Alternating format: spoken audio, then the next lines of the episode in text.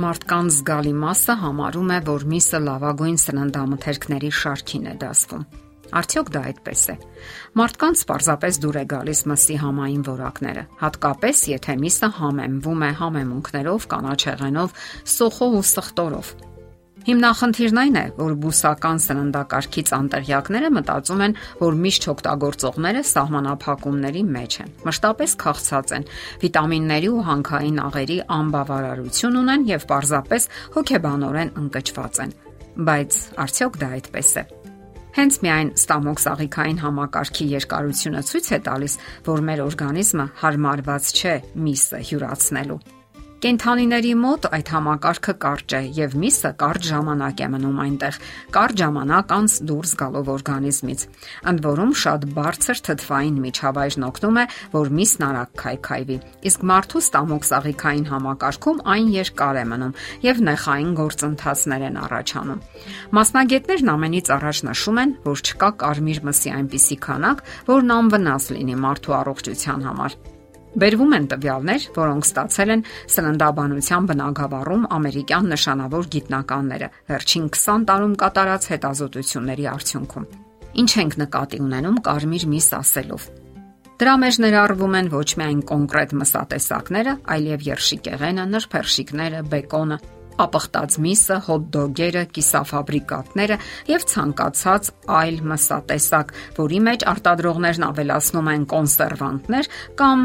կատարում են այնպիսի գործողություններ, որpիսի փոխեն գույնը, համը կամ պահպանման ժամկետը երկարացնեն։ Ու թեև ժամանակակից սննդաբանները խորհուրդ են տալիս սահմանափակել այսպիսի մսի օգտագործման քանակը, այնուամենայնիվ միակ անվտանգ տարբերակը մնում է ընդհանրապես միսը բացառելը, որովհետև գիտական հետազոտությունները շարունակում են ի հայտ բերել նորանոր վտանգներ կապված դրանց օգտագործման հետ։ Եվ այսպես, ինչով է վտանգավոր միսը։ Կարմիր միսը եւ դրանից պատրաստված մսամթերքները, ներառյալ կիսաֆաբրիկատները, ինչպես ասացինք, պարունակում են այսպես կոչված N նիտրոզային միացությունների բարձր մակարդակ, որոնք վնասում են մարդու ԴՆԹ-ն։ Այս բոլոր մսամթերքների մեջ չափազանց բարձր է նատրիումի պարունակությունը, որը օգտագործվում է որպես կոնսերվանտ։ Հետազոտությունները ցույց են տալիս, որ անմիջական կապ գոյություն ունի նատրիումի բարձր քանակությամբ սննդի եւ արյան բարձր ճնշման միջև։ Իսկ արյան ճնշումն իր հերթին կարող է առաջացնել երիկամային անբավարարություն, սրտային անբավարարություն, ինֆարկտ կամ ինսուլտ։ Կարմիր միսը եւ նրա տարբեր մշակումները պարունակում են նաեւ հագեցած ճաշպեր, որոնք առաջացնում են սիրտանոթային հիվանդություններ, ճարպակալում, շաքարախտ եւ այլն։ Սիրտանոթային հիվանդությունները շարունակում են մնալ համար առաջին մարդասպանը։ Այդ բոլոր մահերի քառորդ մասից կարելի է խուսափել փոխելով սննդակարգը իսկ դա սիրտանոթային հիվանդությունների կանխարգելման լավագույն եղանակն է։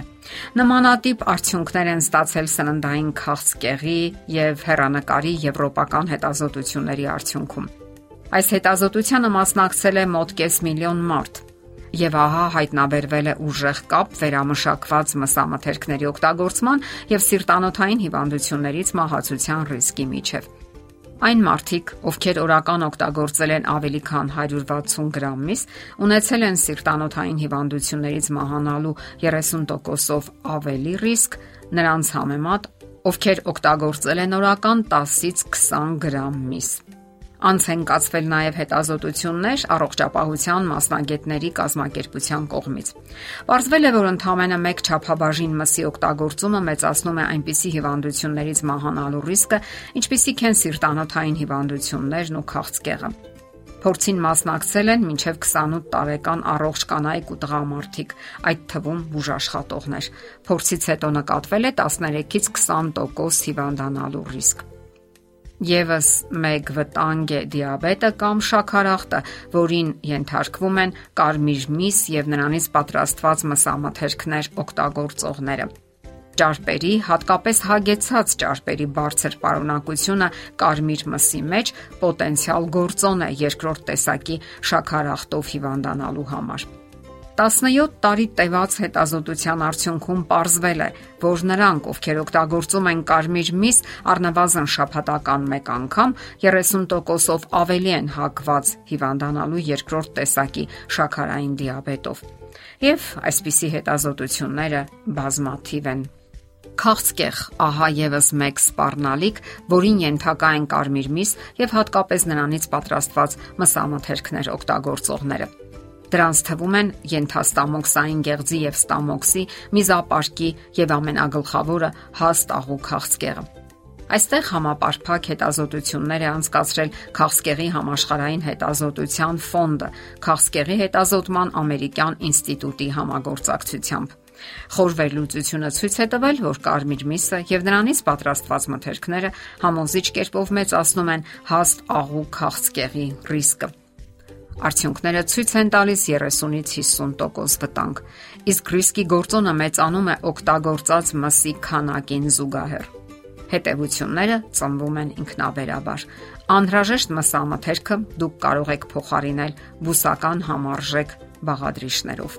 Դրանք կարող են լինել լոբազգիները, ոսպը, ընկուզեղենը եւ դարձյալ կատարված հետազոտությունները ցույց են տալիս, որ այդ օգտակար սննդամթերքները կարող են լիովին փոխարինել կարմիր մսին եւ նրանից պատրաստված մթերքներին։ Օրական 1 չափաբաժին մսի փոխարինումը ընկույզներով նվազեցնում է հիվանդությունների ռիսկը 20%-ով իսկ գլոբազգիների փոխարինումը 10%-ով։ Դե ինչ, փաստերը չափազանց perճախոս են, այնպես որ միսը լավագույն սննդամթերքը չէ։ Ընտրեք լավագույն տարբերակը եւ առողջ կլինեք։ Եթերում առողջ ապրելակերպ հաղորդաշարն է։ Հարցերի եւ առաջարկությունների համար զանգահարել 033 87 87 87 հեռախոսահամարով։